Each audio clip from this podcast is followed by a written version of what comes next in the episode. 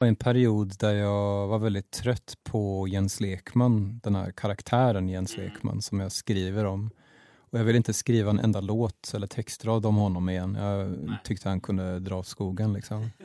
Och det var väl att jag hade liksom någon slags eh, liten existentiell kris eller någonting och ville liksom göra mig av med den gamla Jens och skapa en ny Jens. Got a miniature shampoo bottle on my shelf From when we stayed at a hotel. And one wave of that and I'm back there with her. Coming out of the shower She's still in bed Fixing her hair. So let's go somewhere. I can smell her sun lotion From the wind of the jasmine And the salt from the ocean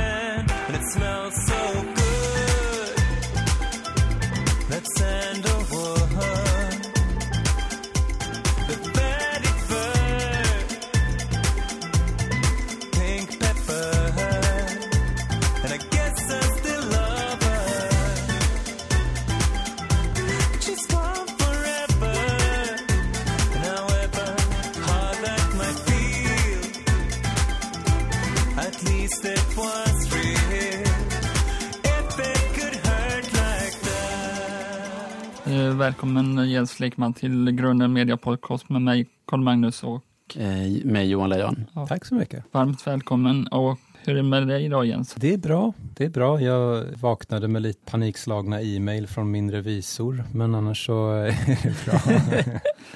Och det har rätt ut sig nu Det har rätt ut sig. Ja, så det ja, är men vad skönt. Ja, men annars är det bra. Det var en fin dag idag. Alltså. Det var skönt att promenera hit.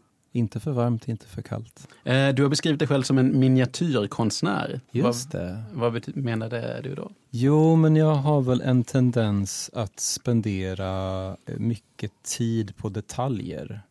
Jag kan sitta med ett ord eller en liten, liten ton, som fila på den jättelänge. Ja, Jag har en tendens att göra det. Att liksom tänka på mina låtar som miniatyrstäder, som när man åker till Legoland och man ser de här små städerna med alla små hus och små människor och eh, fordon och så vidare och alla de här små gatorna. Och eh, jag vill liksom gå in och polera vartenda litet dörrhandtag ja. på de här. Så jag kan sitta väldigt mycket och göra research när jag skriver låtar och fundera på, suga på ord fram och tillbaks jättemycket. Och jag tror att det är en ovana som jag har som gör att, jag, att det tar lång tid för mig att skriva musik. Men jag tror också att det finns någonting i det där. Jag tänker fortfarande att ett litet ord kan liksom göra en hel låt. Mm. Att det, ofta, att det kan hänga på liksom en liten, liten detalj. Som en liten tuva som kan stjälpa det stora lasset. Liksom. Ja. Ja. Och både liksom textmässigt och ljud. Ja, Mm. ljud och musik och textmässigt, absolut. Ja, och det kan man ju förstå lite grann, för jag menar du har ju den här med, med din samplingbakgrund att liksom plocka små ljud och Mm. grejer sånt där, som du inte gör lika mycket nu för tiden, antar jag? Eller? Nej, jag gör det på ett annat sätt kan man säga. Ja. Jag skapar mina egna samplingar mer och sitter ju fortfarande med liksom kan sitta med ett, ljudet av en liten pianotangent och här, nej det här är fel liksom. Och Mm. gå in i pianot och börja tejpa strängar. Och, Ja, det är helt rätt ton, men klangen på tonen är Precis. fel. Ja. Mm.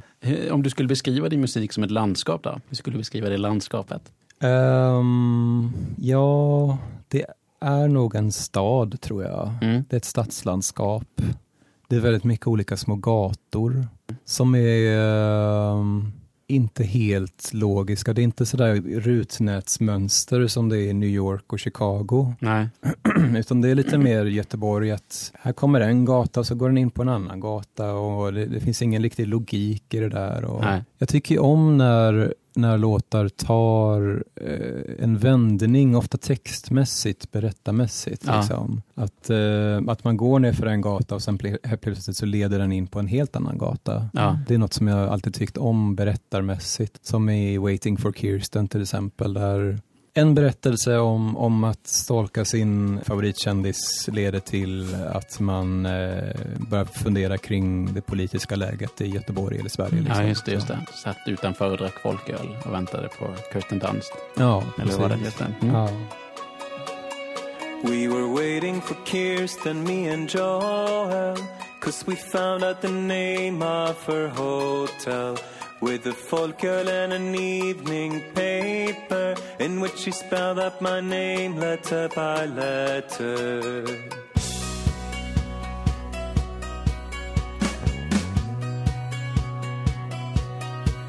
Well, I grew up outside the city where the local Estrella Chips factory had paved a way to your grave and to your destiny. So, what can a suburban boy like me do when she mentions me? Har du något favoritljud? För vi intervjuade Jonas Jonasson och han eh, hade ett ljud och jag tror det var fågelkvitter eller något. Mm. Som hans favoritljud. Ja, just det. Ja, Mm. Jonas Jonasson eh, är ju eh, keyboardisten i Bob Hund. Just Kan vi det. också bara det är han, förtydliga för folk. det är han som hade den stora mustaschen förut. Just det, som han har, även har auktionerat ut eh, i alla fall två eller tre gånger. Ja, På tal om musiker som säljer saker. just det. ja, favoritljud. Hmm. Ehm, ja, alltså jag var ganska besatt ett tag av en effekt som fanns i ett program. Jag tror att det hette Paul Stretch eller något sånt. Mm. Som var liksom en, det fanns i programmet Audacity som är ett sånt här gratisprogram som man kan ladda ner för att göra musik med. Just det. Mm. Och det är liksom en, en effekt som, där man kan dra ut toner till evighet. Liksom. Mm. Och då är det folk på internet som har ehm, tagit en Justin Bieber-låt och dragit ut den till två miljoner procent. Så att varje ton är liksom en timme lång. Ja. Och det låter som att man är i himlen liksom. Ja. För den behåller samma tonhöjd, Mm. bara att de... Ja, bara att det blir längre, liksom. längre liksom. Ja, just det. och, ja, jag, jag, kan, jag, kan, jag kan tycka om sådana ljud väldigt mycket när det bara är en lång ton så på, sätt, Aha. på det sättet. Men jag önskar att jag hade kanske något roligare, mer organiskt svar på det där men Ja. jag kommer inte på just nu. Så. Nej. Hur gammal var du när du fick ditt eh, första skivkontrakt? Då var jag 22 Mm. tror jag. Ja, det var nog ehm, hösten 2003 tror jag. Just det, just det. Mm. Jag minns att jag eh, såg dig på Emmabodafestivalen 2004. Mm. Eh, jag har nästan inget minne av konserten. Det var min flickvän som väldigt gärna ville se. Mm. Eh, då hade väl precis bytt från eh, Rocky Dennis eh, namnet tror jag. Ja, just det, jag det stämmer. minns att jag har sett någon gammal Emmaboda festival affisch med det namnet på. Det är väl min nästan enda koppling till Rocky Dennis. Ja. Eh, men skivkontraktet ett år innan det i alla fall. Ja, precis. Det var ju med mitt amerikanska skivbolag Secretly Canadian då. Just det, Mm. som du fortfarande ligger på. Ja. Mm. Mm. Så det har funkat bra med dem. Ja, så det är väl som ett äktenskap tänker jag. Mhm. Att det är inte alltid så bra. Men det, det finns ju ett värde i liksom det här att man har byggt någonting tillsammans. Mm. Och att eh, man känner varandra och ja, man måste, jag tror att med, med skivbolag och de kontakterna så gäller också att man, man måste jobba på det. Man Ja. måste jobba på relationen. Ja. Man måste vara ärlig i sin kommunikation. Man måste lära sig hur man ska prata och så vidare. Vart i USA håller de till? Indiana, Okej. i en liten småstad som heter Bloomington. Okej. Jag bara tänkte, för du bodde i New York ett tag, eller hur? Ja, två, tre månader bara. Ja, okej. okej. Mm. Tänkte om det var någon eh, större satsning där, men det var det inte så. Ja, nej. nej, det var kärleken. Som, Ja. som alltid. Eh, Du har väldigt häftiga omslag på dina skivor. Eh, Designar du dem själv? Eh, nej, men däremot så ehm, är jag ganska noga med dem själv och sådär att jag har, jag kommer på idén själv. Som det här omslaget till Life Will See You Now, den senaste skivan. Mm. Eh, det fick jag kämpa för ganska mycket för det var, det var många som ville att jag skulle ha en mer traditionell bild liksom. Ett foto Aha. på mig själv där jag ser snygg ut och sådär. Och, Som det har varit på de senaste omslagen. Ja, men Mm. jag var, jag var ute efter någonting mer, lite... Alltså det var någonting med musiken på skivan, för den är, det är den första skivan som jag gjort med en producent. Mm. Så den låter ju lite mer välproducerad och slick, eller vad man ska säga. Mm. Och jag var väldigt noga med att, jag, jag ville verkligen ha någonting som bröt mot det. Som betonade det lite punkigare i låtarna, det lite mer... För, Mm. för det här kommer, musiken kommer från en väldigt lekfull period. Ja. Mm. Så det var det som jag ville betona och eh, då var det en, har jag en vän till mig som heter Klara Viksten som eh, ritar serier som Mm. jag tycker jättemycket om verkligen. Mm. Och en dag så la hon bara upp den här bilden på Facebook och så kände jag direkt att det här... Den som blev framsidan. Ja, här då, precis. Med pers eh, person med grönt hår och eh, näsring och en kedja i profil kan man säga, i lite naivistisk stil. Ja, precis. Jag är väldigt radiopedagogisk här som beskriver. Ja, just det.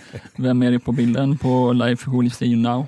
Ja, alltså, det kanske är jag. Det kanske är en version Mm. av jag. Men jag tänker att när jag, när jag kom på den här titeln också, Life will see you now, så, och satte den bredvid den här bilden, så fick jag liksom en känsla av att de spelade på varandra. Att, Mm. eh, för jag tänker titeln som att man sitter i ett väntrum och sen så kommer det in en eh, sköterska och säger okej, då tar livet emot nu. Ja, istället för doktorn som tar emot. Ja, Mm. precis. Men med den här bilden där hon ser ganska tuff ut så kände jag också att det blev som att hon sa nu ska, nu ska livet få träffa mig ungefär. Att det fanns Mm. någonting väldigt, fanns självförtroende i det på något sätt. Mm. Mm. Det fanns liksom en känsla av bestämdhet och det är också någonting som jag känner är ett tema på skivan. Att gå från att vara ett maskrosfrö som virvlar runt i, i vinden till att bli någon som tar kontroll över sitt liv. Liksom. Ja.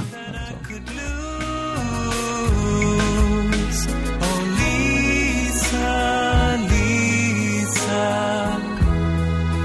Couldn't really see how I built a bomb shelter under every dream.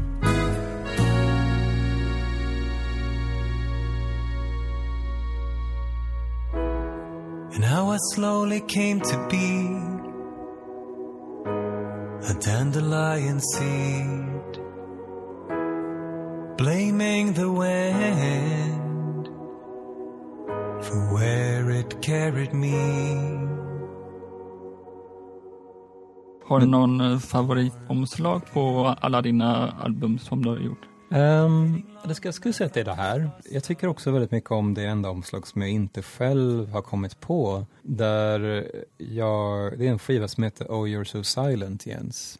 Som Mm. bara var en samlingsskiva med mina EPs och singlar. Och där var det en vän till mig som heter Rasmus Hägg som uh, spelade ett band som heter The Studio. Som eh, tog omslagen till de här skivorna och la ihop dem så att de såg ut som ett gäng pyramider. Och Ja, så just det, blev det, det, det. omslaget. Så det är bara liksom en, en bunt med pyramider i olika färger. Just det, just det. Eh, Och- Jag vet exakt vilka du menar. Mm. Ja, det är väldigt, väldigt snyggt omslaget. Mm. Det är mycket med den här pastelliga tonen på dem som gör att man eh, är väldigt behaglig att titta på. Ja, jag tror det var kanske just för att jag hade ingenting med det omslaget att göra. Nej. Jag, jag såg det och så var jag så här, Men eftersom vi ändå pratar om eh, Life Will See You, eh, eller, eh, plattan vi har framför oss här. För du nämnde ju att det är första plattan som du jobbar med en producent. Mellan den här plattan och plattan innan så har du ju även gjort Ghostwriting-projektet. mm. Då kan man ju kanske berätta för lyssnarna att fans fick skicka in berättelser. Mm. Du valde ut några, du träffade de intervjuade personerna. Mm. Och sen så eh, nästan samma stund som de lämnade så skrev du en låt Mm. och spelade in mer eller mindre samma dag. Ja, precis. Eh, Och liksom tonsatt andra personers berättelser. Och det Mm. har du väl kanske gjort tidigare också men kanske inte så direkt och så tydligt. Nej, inte så mycket så på beställning om man säger så. Nej. Eller liksom att det var så öppet. Ja. Ehm, ja, nej men det kom väl ur att jag, eh, jag var i en period där jag var väldigt trött på Jens Lekman, den här karaktären Jens Mm. Lekman som jag skriver om. Och jag ville inte skriva en enda låt eller textrad om honom igen. Jag Nej. tyckte han kunde dra åt skogen liksom. Men eh, det var väl att jag hade liksom någon slags eh, liten existentiell kris eller någonting och ville liksom göra mig av med den gamla Jens och skapa en ny Jens. Ja. Men under den tiden så kände jag att det skulle vara kul att eh, få skriva låtar där jag var andra personer. Mhm. Om andra personers upplevelser. Och, ja, men det fanns väl någon tanke också om någon slags, någon slags demokratitanke i det också. Liksom, att Ja. Det är bara vissas berättelser som får höras. Ehm, så när jag var, jag var och gjorde det i Cincinnati i USA. Just det. Och, I samarbete eh, med Contemporary Art Center. Ja, där. precis. Mm. Exakt. Och då eh, annon annonserade de det, det här då i ett eh, ganska utsatt område som heter Price Hill. Mm. Som är liksom en, en förort till Cincinnati. Okej. Ehm, så det, det, var, det var mycket folk därifrån som kom och lämnade sina berättelser och det kändes fint liksom att få berätta deras historier. Ja. Skulle du säga att de som kom och delade med sig av historier därifrån kände till dig sedan innan? Eller var det folk som bara hade sett lappen och blev nyfikna och bara vill få berätta för någon? Ja, jag skulle säga att det var hälften hälften ungefär. Ja. Ja, och det var kul ändå. Det var vissa som kom dit och sa, jag har ingen aning om vem du är, men jag Nej. har en historia som jag vill berätta. Liksom. ja, det måste ju ändå vara... Eller jag tänker att båda sidorna av det är ganska häftigt. Mm. Men det- jag, ja, precis. Jag, jag, måste bara berätta, jag måste bara säga också att jag, jag tror att inspirationen till det här kom från, ja, det kom väl egentligen från det här att jag var trött på Jens Lekman, men det finns en skiva av Kajsa Grytt som heter Brott och straff, där hon åkte till ett kvinnofängelse och samlade in berättelser från fångarna där Ja. och skrev låtar om dem. Okej. Eh, så jag tror det var därifrån eh, tanken kom från Mm. början. Liksom. Kajsa Grytt, då ska Mm. vi ta med oss den äh, lyssnartipset, eller vad man Ja. ska kalla det. Mm. Det måste jag kolla på Youtube. Mm. Och du gjorde det här både i Göteborg och i Cincinnati och skrev både på svenska och engelska. Mm. Och din mesta musik är ju på engelska liksom. Mm. Eh, men hur, hur är, vad är din känsla gentemot att skriva svenska kontra engelska? Jag skulle säga att eh, jag skriver på engelska för att det känns som ett mer neutralt språk för mig. Ja, Att när jag skriver på engelska så um, då, alltså jag känner att språk färgar innehållet Ja, men i definitivt. musiken. Ja, så att när jag skriver på svenska då märker jag att jag automatiskt använder vissa ord. mm. Jag blir väldigt så här indragen i den svenska pophistorien på något sätt. Mm. Det blir mycket låtar om ehm, gator och äpplen och s- solglasögon och liksom det, det bara, man bara så dras in i hela den här Gyllene Tider, Håkan Hellström, eh, liksom Jakob Hellman-grejen liksom. Ja. Och, och jag vill inte alls vara där kände jag. Nej. Ingenting emot dem men, men bara att jag, jag, jag, vill inte, jag vill att det ska vara ett vitt A4-ark, liksom språket för mig. Det är nog det som känns bra med engelskan skulle jag säga. Ja. Det finns ju en inneboende melodi i språk också Mm. och eh, klang i, i eh, ljud Mm. som också färgar väldigt mycket hur man söker sig till vissa ord och Just det. sånt där. Och sen också så här vad man har hört, ja, men som du- nämnde, Gyllene Tider och sånt där och Mm. Håkan Hellström och Jakob Hellman, då blir det ju också så att man blir automatiskt färgad av det. Sen alla tusentals engelska texter som man har hört och Just det. det kanske inte en större. Engelskan har väl betydligt fler ord också än svenskan tror jag. Jag har hört någon sån Ehm, siffra. Det kan nog stämma. Mm. Jag kommer ihåg att jag, jag skrev en låt tillsammans med Frida Hyvönen för många, många år sedan Okej. på, på finska. Jaha. Eh, för att jag och hon satt och fikade och kom, så kom vi på att vi båda kunde två fraser var på finska. Okej. Jag tror det var så här, jag älskar dig och så var jag kan inte, eh, men det var mina rakastan sinua eller något sånt. Så var det, ursäkta jag förstår inte. och sen så var det underbart och gullegris. Det var de fyra ord och fraser som vi kunde. Och då insåg vi att det blev en jättefin låt. Så då går låten så här, jag älskar dig, ursäkta jag förstår inte. Jag älskar dig, ursäkta jag förstår inte. Och sen går refrängen, underbart gullegris, underbart. Um, Gud vad fint. vad, vad, vad heter den här eh, låten om man vill eh, söka i ditt stora bibliotek av... Ehm, musik. Jag vet inte om den, jag tror vi spelade den live någon gång bara, men eh, den, jag tror att den hette Ihana. Det för mig betyder underbart, men jag kan ha fel. Ja, det låter ju helt eh, fantastiskt fint. Ja. Frida Hyvönen har ju också gått över till, eller släppte, eh, hennes senaste platta var ju på svenska. Ja, just det. var Mm, den var Mm. fantastisk. Ja, Har du någon favoritlåt på din, spot, på din Spotify-lista? Eller på din Spotify? Eh, Topp fem? Eh, Ska vi se. Så jag lyssnar inte så jätteofta på mina egna låtar. Jag lyssnar faktiskt väldigt lite på musik. mm. Jag tror att det, det gäller för alla som, som skapar. Att det, det, det känns så mycket bättre att hitta inspiration i ett annat fält. Mm. Jag är lite skadad av musik. Att när jag lyssnar på musik så kan jag bli irriterad på att den är producerad på ett fel sätt och så vidare. Och Mhm. Jag skulle gjort det så här istället. Så jag lyssnar väldigt mycket på stand-up till exempel. Mm. Stand-up comedy, podcaster och eh, böcker och så vidare. Ja. Ehm, jag hittar mer inspiration och glädje där på något sätt. Har du någon favorit stand-up? Eh, Aparna Nancherla tycker jag väldigt mycket om, en amerikansk komiker. Eh, men hon är subtilt absurd i sin humor som, på ett sätt som jag tycker väldigt mycket om. Ta hennes namn en gång till. Aparna Nancherla. Henne har du inte turnerat med, för jag vet att du har turnerat med några. Jag, jag turnerade med Tig Notaro och hon signade A Permanent Chair, så det är så jag får höra talas om henne. Ah, okej. Ehm, men eh, hon är fantastisk i alla fall. Men hur funkade det med att ha, nog för att din eh, musik har humor i sig, men eh, att turnera med en komiker? Alltså det funkade jättebra med Tig Notaro i USA. Ja, Hon är ju hon är proffs och ehm, vi turnerade längs västkusten där hon har sin bas. Liksom. Så det var jättekul. Det var fantastiskt att få göra det innan hon blev så här superkänd. ja just det. Sen turnerade jag med Todd Barry som också är en ganska stor komiker som jag bjöd över till Sverige. Ja, just det. Och han är ju en fantastisk, jätteruttad komiker.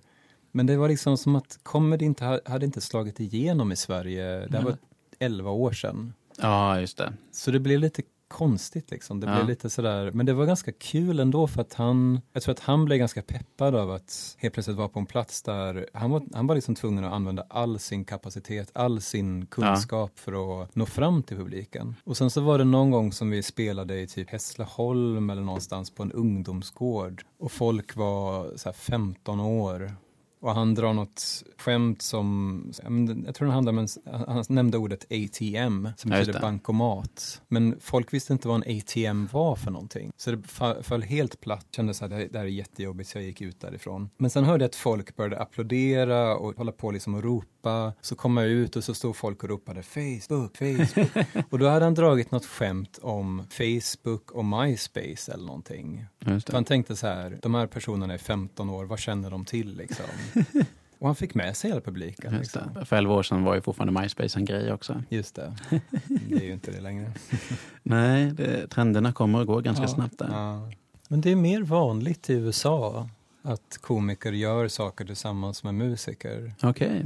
Ehm, men i Sverige så finns det ju till exempel uh, Oslipat som är en komikerklubb eller man säger Mm. där komiker får tolka musiker. Det gjorde jag tillsammans med några komiker i Skåne för några år sedan. Okej. Det var ju jättekul. Det var Hur, ju, hur blev det då? De tolkar en, Ehm. en av dina... Ja, de väljer en låt och sen så riffar de helt spontant på vad den låten handlar om och Ja. liksom hur det refererar till något som de själva vill prata om. Då. De bara så här, har ni tänkt på det här med vykort? Precis, det kan vara så. eh, Eller så kanske det liksom bara... Jag, Ja. tog, jag tog en, eh, och sen tog jag en svart taxi hem. Liksom. Ja, just det. Så. Vi intervjuar ju många komiker i podden. eh, Så här Thomas Pettersson och lite andra Mm. Mm. som är rätt roliga. Alltså. Ja, Ja. kul. Vi- och Vilka är dina favoritkomiker? Robert Gustafsson och Thomas Pettersson. Men eh, jag är inne på lite David. Batra har du haft med två gånger i alla fall. Ja, Mm. Okej, har han Ja. varit här eller? så vissa har varit här och vissa har varit eh, per telefon. Mm. Coolt. Ja, Du skriver ju berättelser liksom. Mm. För nu har du ju den här correspondence-grejen med Annika Norlin. Mm. Ska liksom så här dra, hårdra någonting mellan er två så är det verkligen att ni är ju nästan mer än någonting annat berätt eller eh, ja men det är ju små historier. Det är små Mm. världar i varje, det är inte bara en versrefräng. Det är inte Nirvana som bara är så här collage av ord och sen får man skapa sin egna mening. Utan ni, har ju, ni målar ju verkligen bilder och som du säger polerar doorknobs och grejer. Och när man lyssnar på de här eh, historierna man får ju liksom en känsla av att det är eh, sanning. Eller så här, man vill gärna projicera det när man lyssnar på det dig och Annika Norlin tänker jag. Mm. Vad, vad är din eh, inställning till liksom sanning versus en bra historia? Ehm, jag tror att jag förr i tiden så var jag ganska inne på att om man berättade saker helt sant så var det mycket bättre konst. Mm. Då blev det mycket mer gripande och på riktigt. Och sen så började jag tänka att det inte alls är så. Ehm, och att man har kanske ett ganska stort ansvar också. Jag, jag vill liksom inte lämna ut folk för mycket. Och så. Man har ett ansvar till de man är nära och de som man skriver om och så vidare.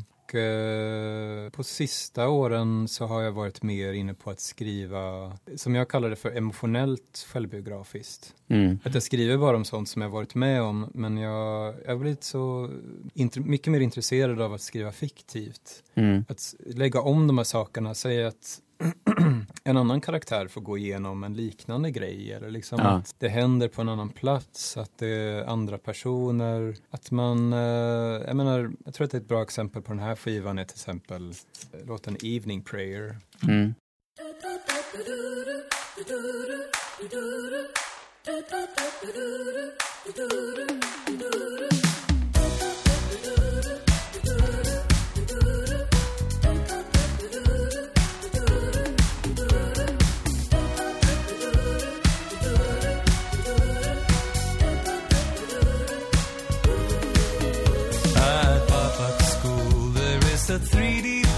And he prints out a model of the tumor that was surgically removed from his back this winter.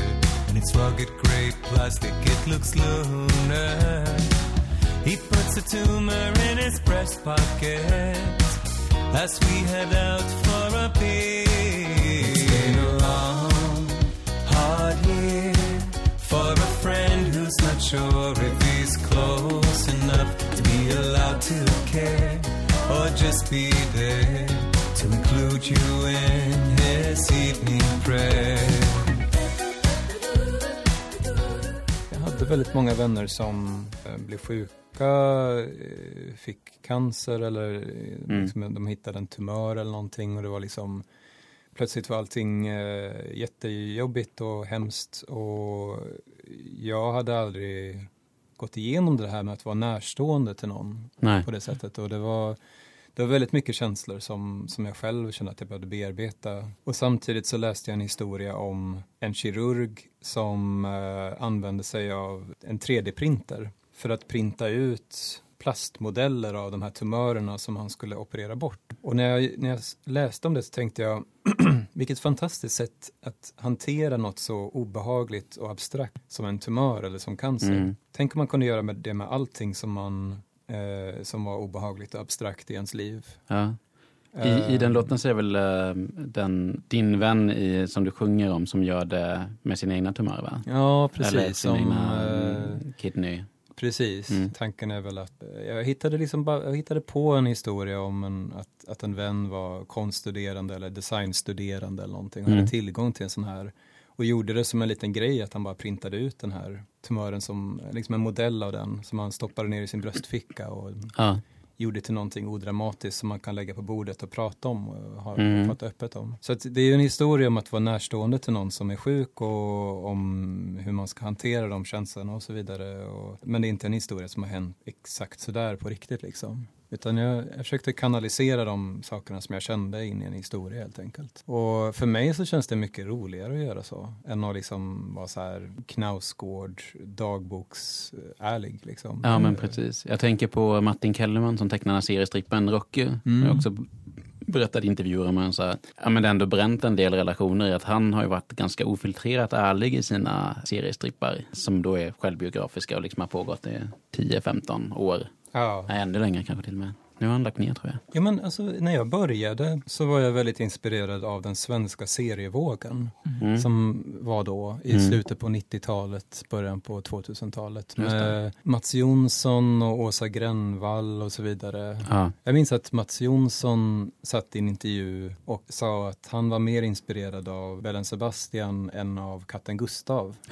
och jag tänkte då i och med det att ja, jag är mer inspirerad av Mats Jonsson än Bellen Sebastian. Just Eh, att, ja, men återigen det här med att man hittar inspiration på andra, i andra format. Liksom. Mm. Det var nog en anledning till att jag skrev väldigt självbiografiskt i början och så. Ja. Och jag tror att alla de som gjorde det har sen gått ut med att jo, det var en bra grej fast jag gjorde en del dåliga saker och brände relationer och så vidare. Eh, jag hamnade med också det, liksom, att folk blev sura sen och var så här, nej men jag tyckte inte det där kändes bra och så vidare. Nej, nej. Så, eh, ja, men det där måste man väl lära sig. Vilken är den bästa stad du har turnerat i och varför? Um, hmm, så jag tycker det... jag spelade en gång i Alaska. Oj, det är Eh, några ut. Ja, i en liten fiskeby som hette Sitka. Som, Mhm. eh, det, var en, det var en författare som skrev deckare som var väldigt välbärgad. Okej. som eh, tyckte om min musik och var så här, jag vill ta upp dig till Sitka. Eh, så då flög vi upp dit och spelade. Ehm, och det var otroligt vackert. Och det kom kanske 30 personer Ja. på spelningen. Och sen kom folk fram och sa, eh, tack för att du kom hit. De sa så här, thank you for music. Alltså inte så här, tack för att du kom hit, specifikt du Nej. kom hit och spelade, utan det var så här, tack för att du tog hit musik, konceptet musik. Ehm, och jag vet inte, det var, någonting, det var någonting väldigt speciellt, för att annars när man åker till New York och Los Angeles och, och sådär så är det ju väldigt specifikt att man går på en konsert för att det är en specifik artist som man tycker om. Ja, och då är det en artist bland eh, tusentals andra som också finns i staden. Ja, precis. Det är liksom, vilken konsert ska vi gå på ikväll? Mm. Men här var det, här var det liksom, jaha, det ska vara någonting som kallas för musik ikväll. Liksom. Det, var, det var ett helt nytt koncept nästan. Uh, vad häftigt att du spelade munspel och gitarr samtidigt. Oj, det, var, det var liksom på den nivån. Ja. Och det var, det var en ganska häftig upplevelse för att annars så är man ju ganska van vid att man just är, är en av tusen artister som spelar och hur, eh, hur skiljer jag mig från de artisterna och så vidare. ja, men precis. Så att många fans i publiken kan se, ja men du har inspirerats av den personen och bla Ja. bla bla och sånt där. Precis. Ja, ja, men det är lite intressant. Jag kan ändå, jag kan ju minnas den känslan när man kanske var i tonåren och upptäckte så många saker för första gången. Mm. Det verkligen var, ja, men jag, man bara upptäcker ett band, jag har aldrig hört någonting som låter som det här. Nej, just det. Eh, och att det är en ganska häftig känsla. Och Ja. då kunna ge det till personer.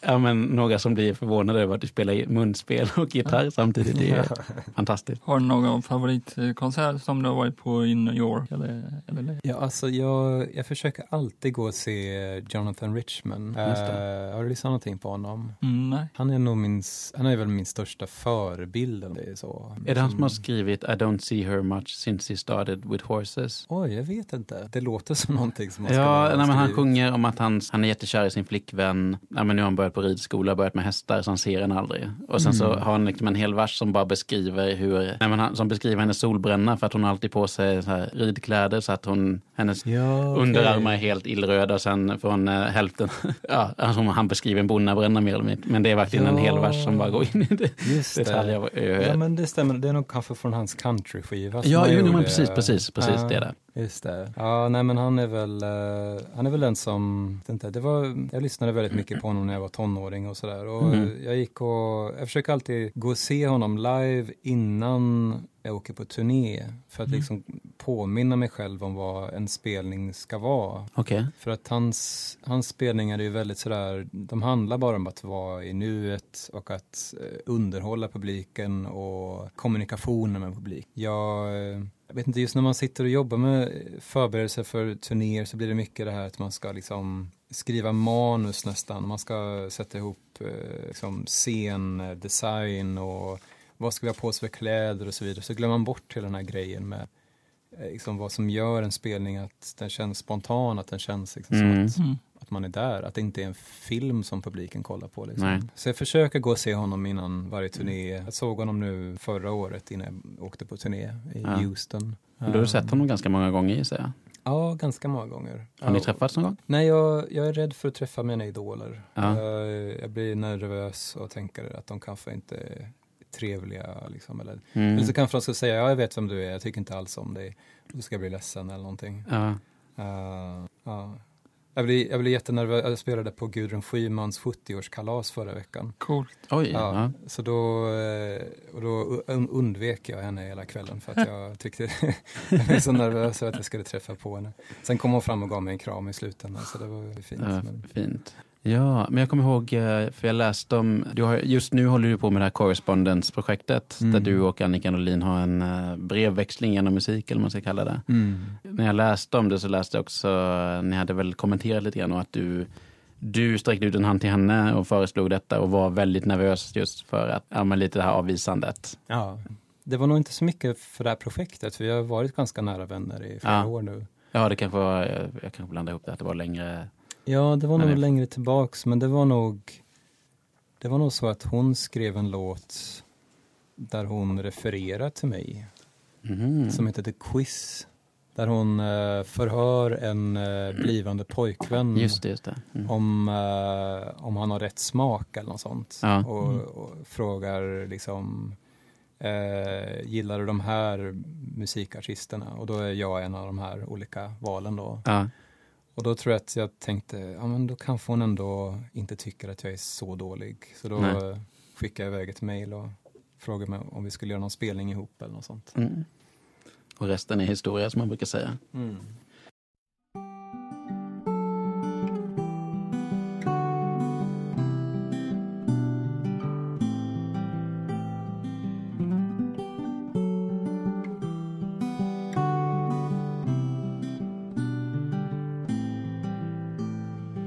January 1st, 2018. I'm writing you now. Annika Norlin from the remnants of a New Year's Eve. The fog that slithers through the streets. I'm trying to remember how you made friends when you were young. What were those friendships on, and what made them so strong? Francisco was my first friend. He lived round the bend in my neighborhood. He came up one day and asked, Are you a turd? I said I was not. He said, Then you're good. He had post traumatic memories. I didn't have any friends.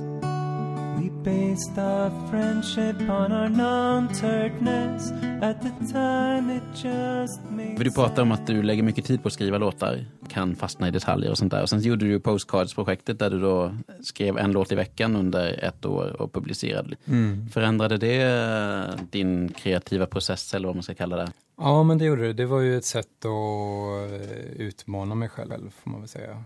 Mm. Ehm, och se vad som skulle hända om jag inte hade tid att polera de där dörrhandtagen Ja. i mina små miniatyrstäder. Vad hände då? Ehm, jo, men det, det, det blev mer, det blev, det blev mer spontant bara. Det blev, Ja. en, det blev en del historier och låtar där, eh, som fick liksom vara det de var. Mm, Det, det var ju en låt som kom med på den här skivan som heter Postcard 17. just det. Där, hade jag skrivit den annars hade jag förmodligen kommit på versen och sen tänkt nu ska jag bygga ett break och en refräng Mm, och sen så ska den gå tillbaka så ska det vara tonartsbyte och sen så, du vet. Men istället fick den vara liksom monoton. Jag Mm. fick bara så här gå runt, runt, runt och bygga upp istället. Och det var för att jag hade inte tid att bygga den där refrängen och breaken och så vidare. ja. Och det passade låten så mycket bättre. Det kändes som att jag fångade någonting där. Det var som med flera låtar, att det kändes som att jag... Jag hann inte jobba sönder dem liksom. Nej. What am I so scared of? What's the worst that could happen?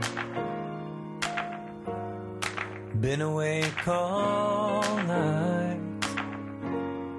Heard the rain tapping. If something taps on the window in the middle of the night. Just let it in, alright. Just let it in, alright. I couldn't even write about it in my diary or shape the sound of the word. So I tried sneaking up behind it, like the lion sneaks up on the herd. If I just put this pen to this paper, if I just change the labels on a salt and pepper shaker, if I just trick myself into pouring it all out, just let it all out, alright. Just let it all out.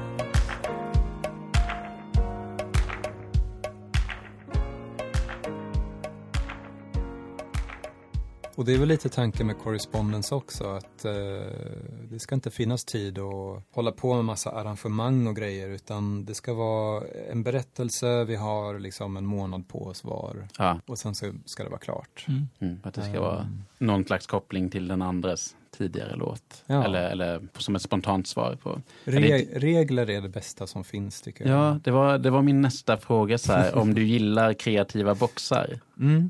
Jo Mm. men det gör jag absolut. Jag, jag tycker väldigt mycket om eh, att skriva. Jag har alltid jag har skrivit väldigt många låtar som presenter till vänner. Ja, För att då har jag någonting att hänga upp det på liksom. Och, Ja. ehm, ibland så har, sätter jag upp regler för mig så här. Jag får bara skriva om män till exempel hade jag ett tag. Ja, Jag, säger, jag skriver så jävla mycket kärlekslåtar till tjejer som jag varit kär i. Vad händer om jag inte får skriva? Jag- får bara skriva till män, vad händer då? Liksom? Ja. Så det är en lång period när jag skrev om det. Jag får bara skriva låtar piano, jag kan inte spela piano. nej. Vad händer då? Liksom? Mm. Och då händer det saker för att man, man faller inte in i de där mönstren. Mm, mm. Eh, Hur många instrument kan du spela? Jag är nog av den åsikten att, eh, att så länge man kan ta en ton på ett instrument så kan man spela det. Eh, så jag tänker att jag kan spela alla instrument Ja. i hela världen. Fast eh, nej, jag kan nog spela, jag kan spela gitarr, lite blockflöjt ehm, och lite piano. Säger. Och så sampler, men det, folk tycker inte att det är ett riktigt instrument. För man trycker bara på knappar. Men jag tycker att det är ett Mm. instrument. Mm. Ja, men definitivt. När hade du blockflöjt med på en låt senast? Ehm, det var nog eh, det var nog tio år sedan tror jag. På en låt som heter Into Eternity från Mm. Night Falls Over Kort. Eh, Av alla de städer du turnerat på, brukar du gå på, på konserter varje gång? Nej, ofta så har jag ingen tid att göra någonting förutom att spela och åka vidare liksom. Ja, Det är ju, man åker till stället, soundcheckar, äter, spelar, går och lägger sig, vaknar, åker till nästa stad. Ehm, så har jag ledig tid så brukar jag mer gå ut och springa eller någonting. Liksom. Få lite dagsljus. Äta någonting som eh, inte består av deg och ost. Vilken är den sämsta stad jag har turnerat i? Ehm, sämsta staden vågar man ju nästan inte säga för då, eh, jag tänker att folk blir så sura över det. Um, alltså, jag kan tycka ibland att det, det är lite tråkigt att spela i de där riktigt stora städerna Mm. som New York och så vidare. För att eh, det kan ibland kännas som att eh, folk är så vana vid, jag, men, jag pratade om det med Alaska, att folk var så glada för att det kom musik till stan. Liksom. Mm. ja, I en stad som New York så kan folk vara lite mer blasé, att så här, det kommer ju tusen band varje kväll. mm. Mm. Att man blir lite mer sådär, ja ja, det, det är inte så kul liksom. Mm. Men jag vet inte, alltså jag tycker varje gång jag spelar i New York så är det fantastiskt. Så det, ja, jag vet inte faktiskt. Hur förbereder du dig innan du ska upp på scen? Har du någon speciell ritual? Ja, jag brukar, brukar slå mig själv i ansiktet lite grann så här. Mm. för att liksom eh, vakna till liv. Så brukar jag, jag fick lära mig av eh, en sångerska som jag jobbat med som heter Lollo Lamotte, att istället för att sjunga upp så kan man liksom massera. Så Mm. här. Massera käkarna och halsen och eh, vad heter det, allt det här som är här inne, liksom strupen. Och då funkar det lika bra som om man skulle sjunga upp eller till och med ännu bättre. Ja. Hon hade fått lära sig det av någon proffssångare. Så, så det brukar jag göra nu för tiden. Massera mig själv så här istället. Och så gör jag såna här sådana övningar också. Mm.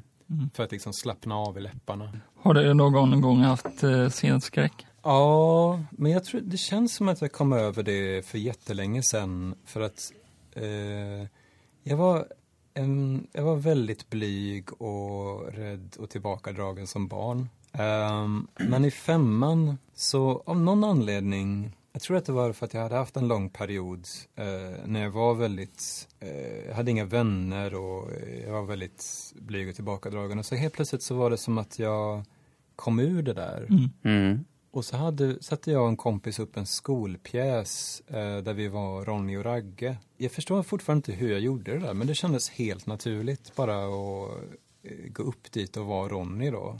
Ja. Eh, med mina liksom, löspolisonger som jag hade limmat fast på kinderna. Och... Vill du ge ett smakprov? ja, ja.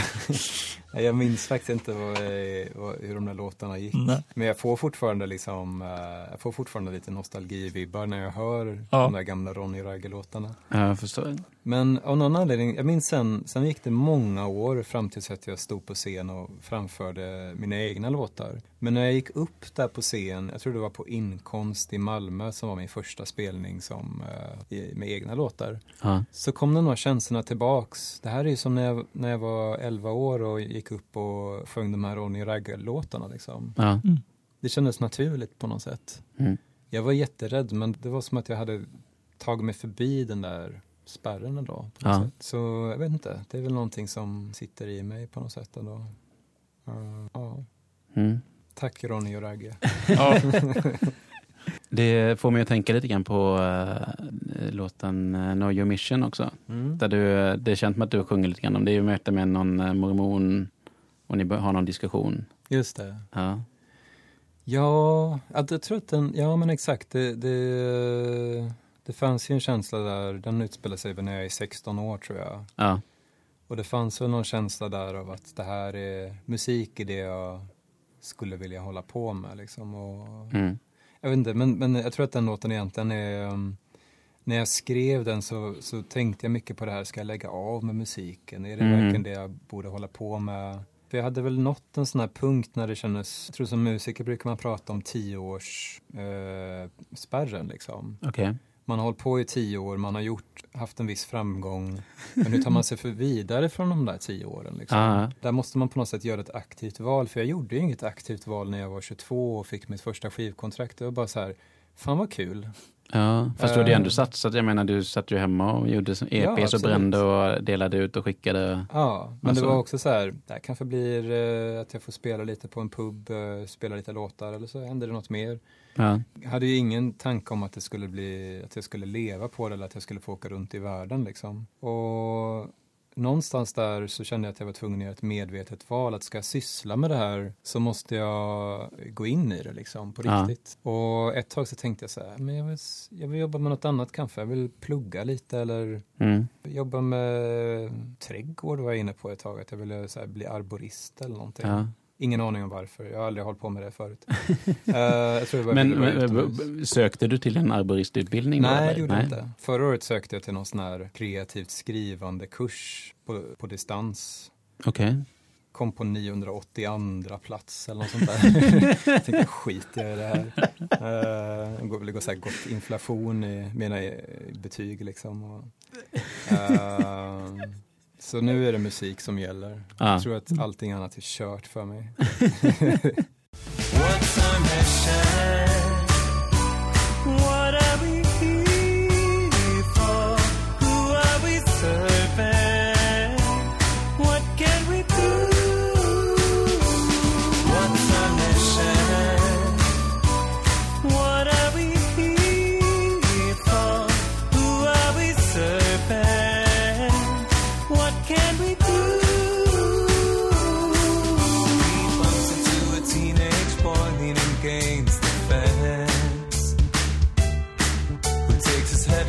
off and introduces himself.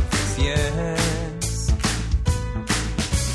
Rippling through the Book of Mormon says it's way too early in the morning. Instead of talking about religion Can we just talk about how it feels to know your mission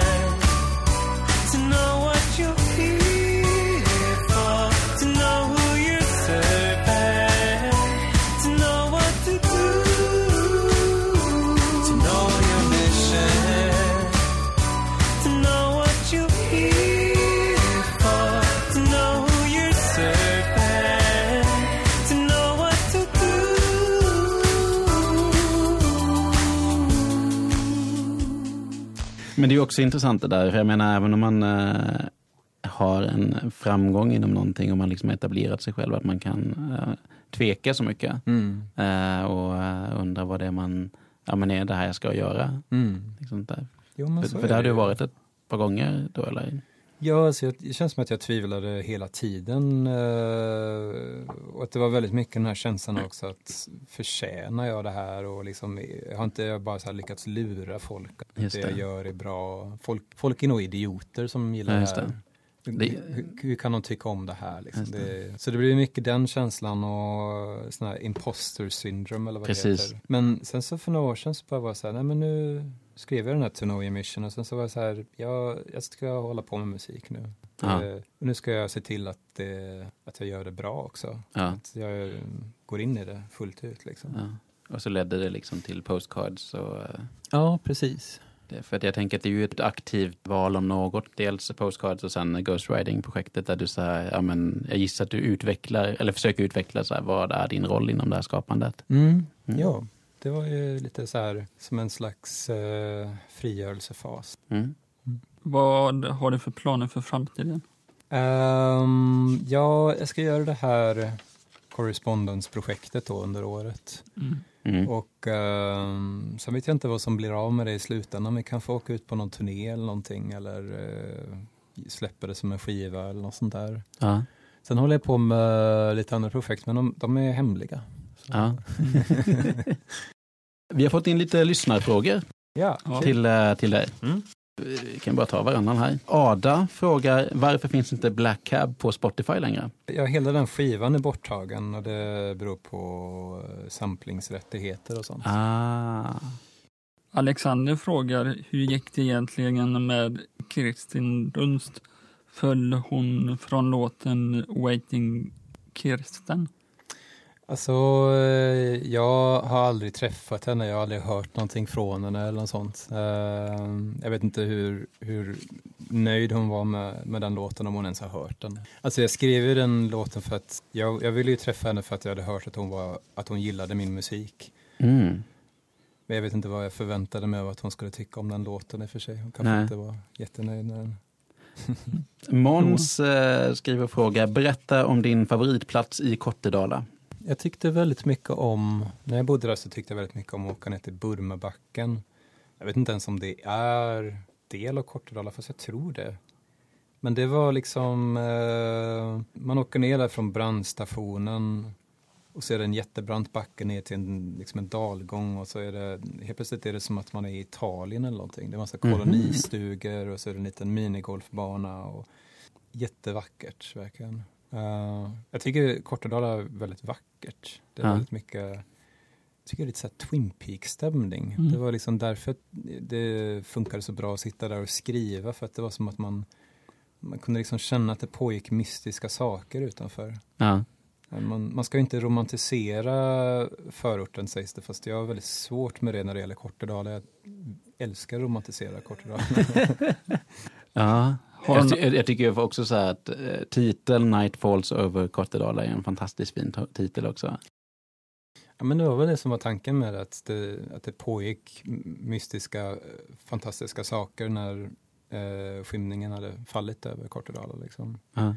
Men nu, nu för tiden så är det kanske, jag, jag tyckte väldigt mycket om att spela på Erikshjälpen nu för någon, någon månad sedan. Ja, just det. Och det, för att det kändes ju som den där mötesplatsen som Kortedala behövde när jag bodde där. Ja. Att det fanns liksom inte riktigt en plats där folk kunde mötas och Nej. som att det blev väldigt isolerat för alla överallt. Och um, tycker det är jättetråkigt att de har eh, skärt ner på bi- bibblan nu där. Mhm. Eh, för det var ju den enda platsen förut som fanns och det var en jätteviktig plats så är det fortfarande tänker jag. Ja. Dålig Ja. pri- prioritering. Mm. Ja, det var ju 200 bi- pers som du spelade för på Erikshjälpen och de biljetterna sålde du slut på en kvart mer eller mindre. Ja. Och då var det, ju, det var ju inte så att man gick in på en hemsida och beställde biljetter utan man var faktiskt tvungen att gå till Erikshjälpen i Ja. Kortedala och köpa biljetterna. Så det är ju eh, Smart. Ja. fantastiskt. Ja, det var jättekul. Ja. Ja, och sen sista lyssnarfrågan här då. Eh, Marike från Nederländerna frågar, jag vill veta vad Jens tycker är det vackraste svenska ordet.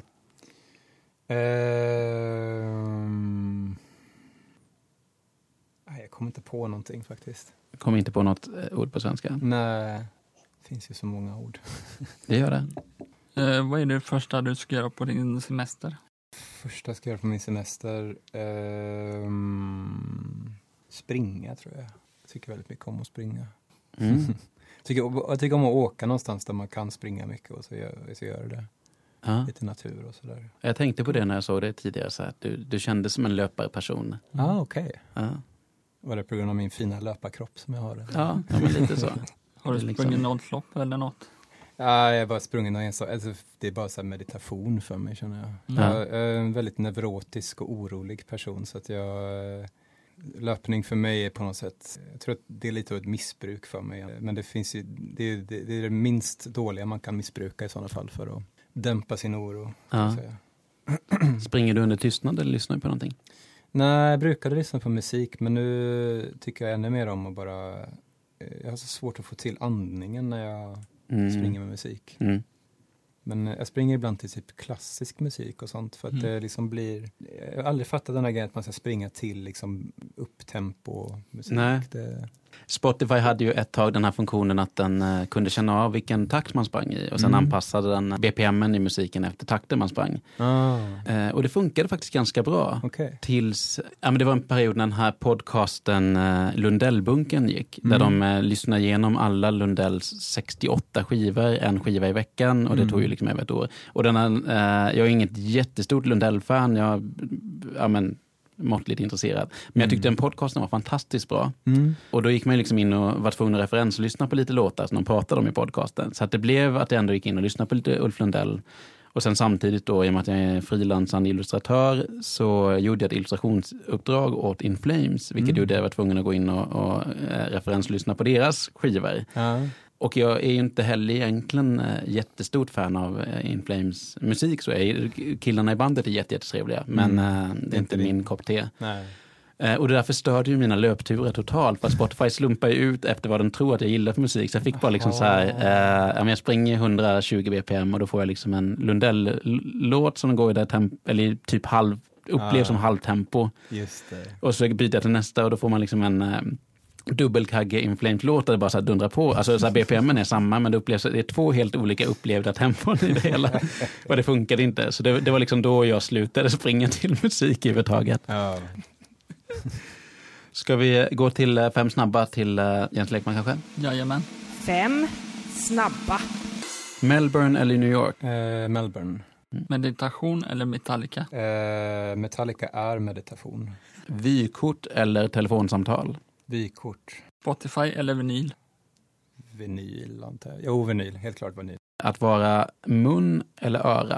Eh, för min del öra. Lale eller Henrik Berggren? Eh, Lale.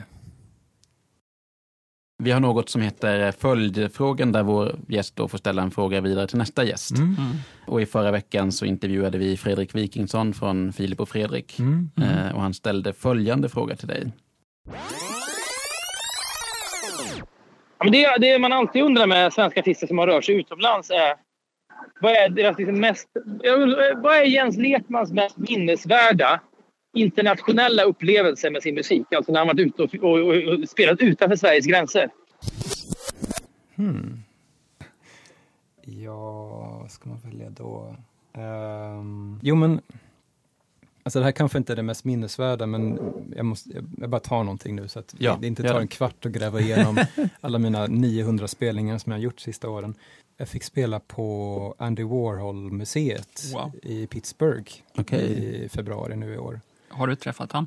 Nej, han, han, han dog väl för typ, det var kanske 20-30 år sedan. Men eh, jag har aldrig varit ett stort fan av Andy Warhol, men då fick jag liksom en rundvisning där på det här stället. Mm. Och eh, dels fick jag se hans tidskapslar, som är de här lådorna där han bara la ner allt som låg på hans skrivbord. Liksom. Och skräp och papper och mm, konstverk och allt möjligt. Jag kunde, jag kunde väldigt mycket relatera till den grejen för att jag tror att jag har vissa så här hoarding-tendenser. så eh, han, han gjorde ju konst av det då. Ja.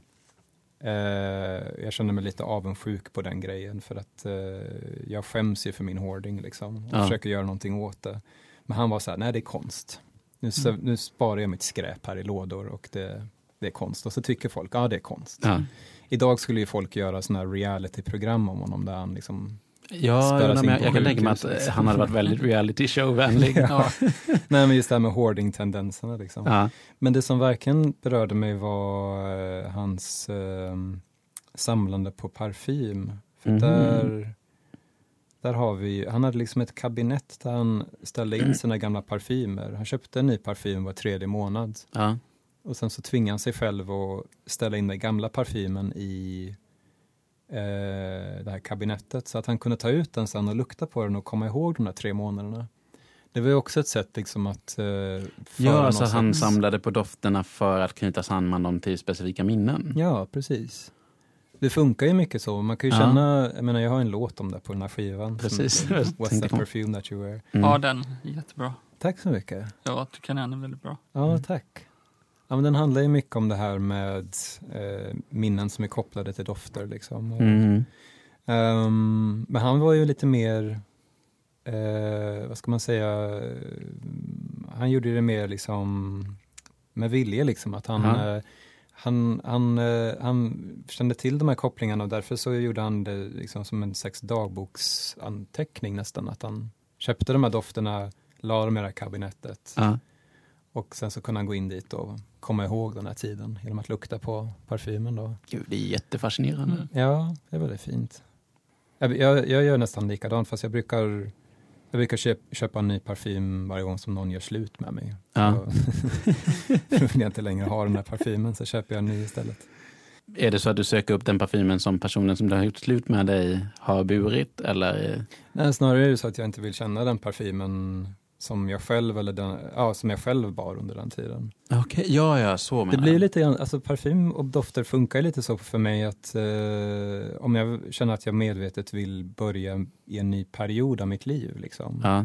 så kan jag köpa en ny parfym och bestämma då att det här är doften av mitt nya liv liksom. Och det, det blir väldigt tydligt liksom. Jag kan känna de där gränserna väldigt tydligt att jag har en, en parfym som jag hade liksom för många år sedan som är ihopkopplad med den personen som jag var med då och med eh, det liv som jag levde då. Ja. Och sen så gjorde jag någon slags medvetet val någonstans att eh, nu tog det här slut och nu vill jag också börja med ett nytt liv där jag, det, här, det är det här som gäller. Så då är den parfymen väldigt ihopkopplad med det liksom. Ja. Det definitiva valet att gå vidare liksom. Och, Jag har varit med om det där definitivt att man bara åkt spårvagn någon gång och så bara kände en doft. Och så var jag tillbaka i en relation som jag var i fyra år tidigare och Mm. en, en, eh, Ja, det är samma. en tjej som jag inte har tänkt på på flera år. Men, Ja. men bara så här blev direkt lite, lite hjärtkrossad när jag bara kände doften. Mm. Eh, Ja, men men jag har nog aldrig använt det så strategiskt. Nej. Man kan ju bli lite sådär förvirrad också ibland när eh, jag har till exempel varit med om att en kompis, typ en killkompis har haft på sig en parfym Mm. som en, en, en tjej som jag har varit intresserad av eller haft en relation med haft tidigare Mm. liksom. Mm. Det blir sådär, min, det är som att min hjärna trillar av cykeln nästan. Att det, liksom, det här blir jättekonstigt liksom. Ja. Ja. Har du någon favoritparfym? Ehm, det fanns en, en gammal Gucci-parfym som, jag kommer inte ihåg vad den hette nu. Den har slutat tillverkas tyvärr. Den var, den var träig och eh, det var en herrparfym men jag tyckte nästan att den funkade bättre på kvinnor. Men jag, jag, jag minns faktiskt inte vad den hette nu. Den var fantastisk i alla fall. Mm. Den hade jag då för tio år sedan typ. Minnen. På onsdag ska vi intervjua Christian Gebel som spelar trummor i Bob Hund. Och om nu finns ställa en fråga till honom, vad skulle det vara i så fall? Ehm, Christian, vilken är din favorittrumma i trumsetet?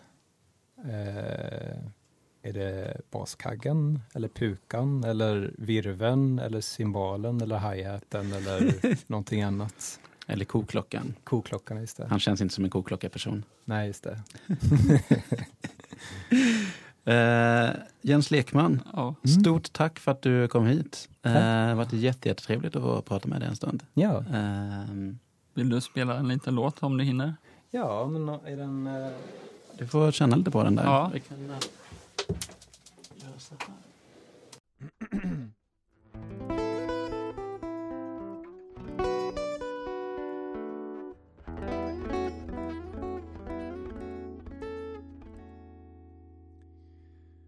What's that perfume that you wear?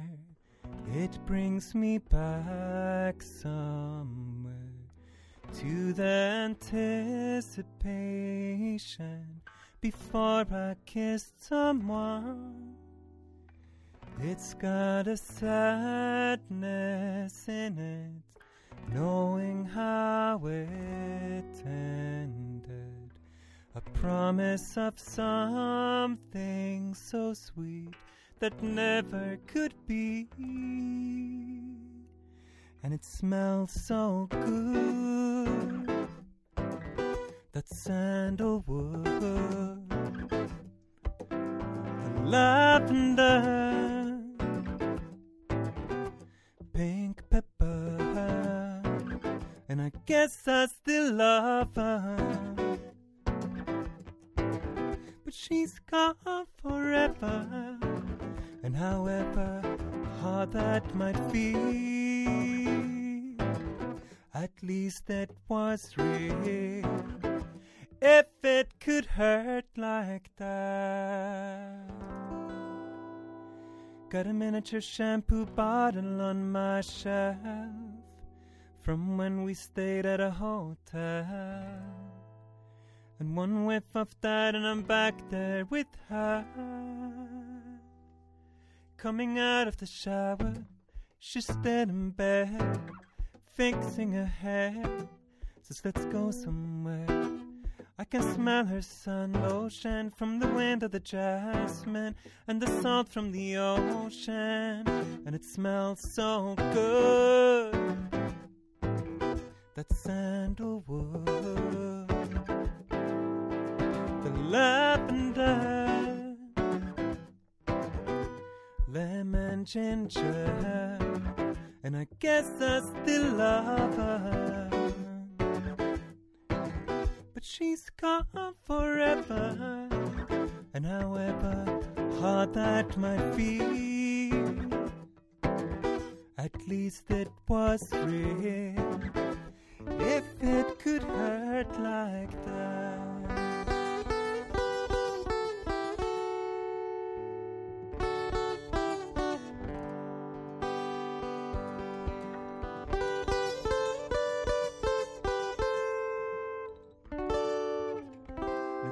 It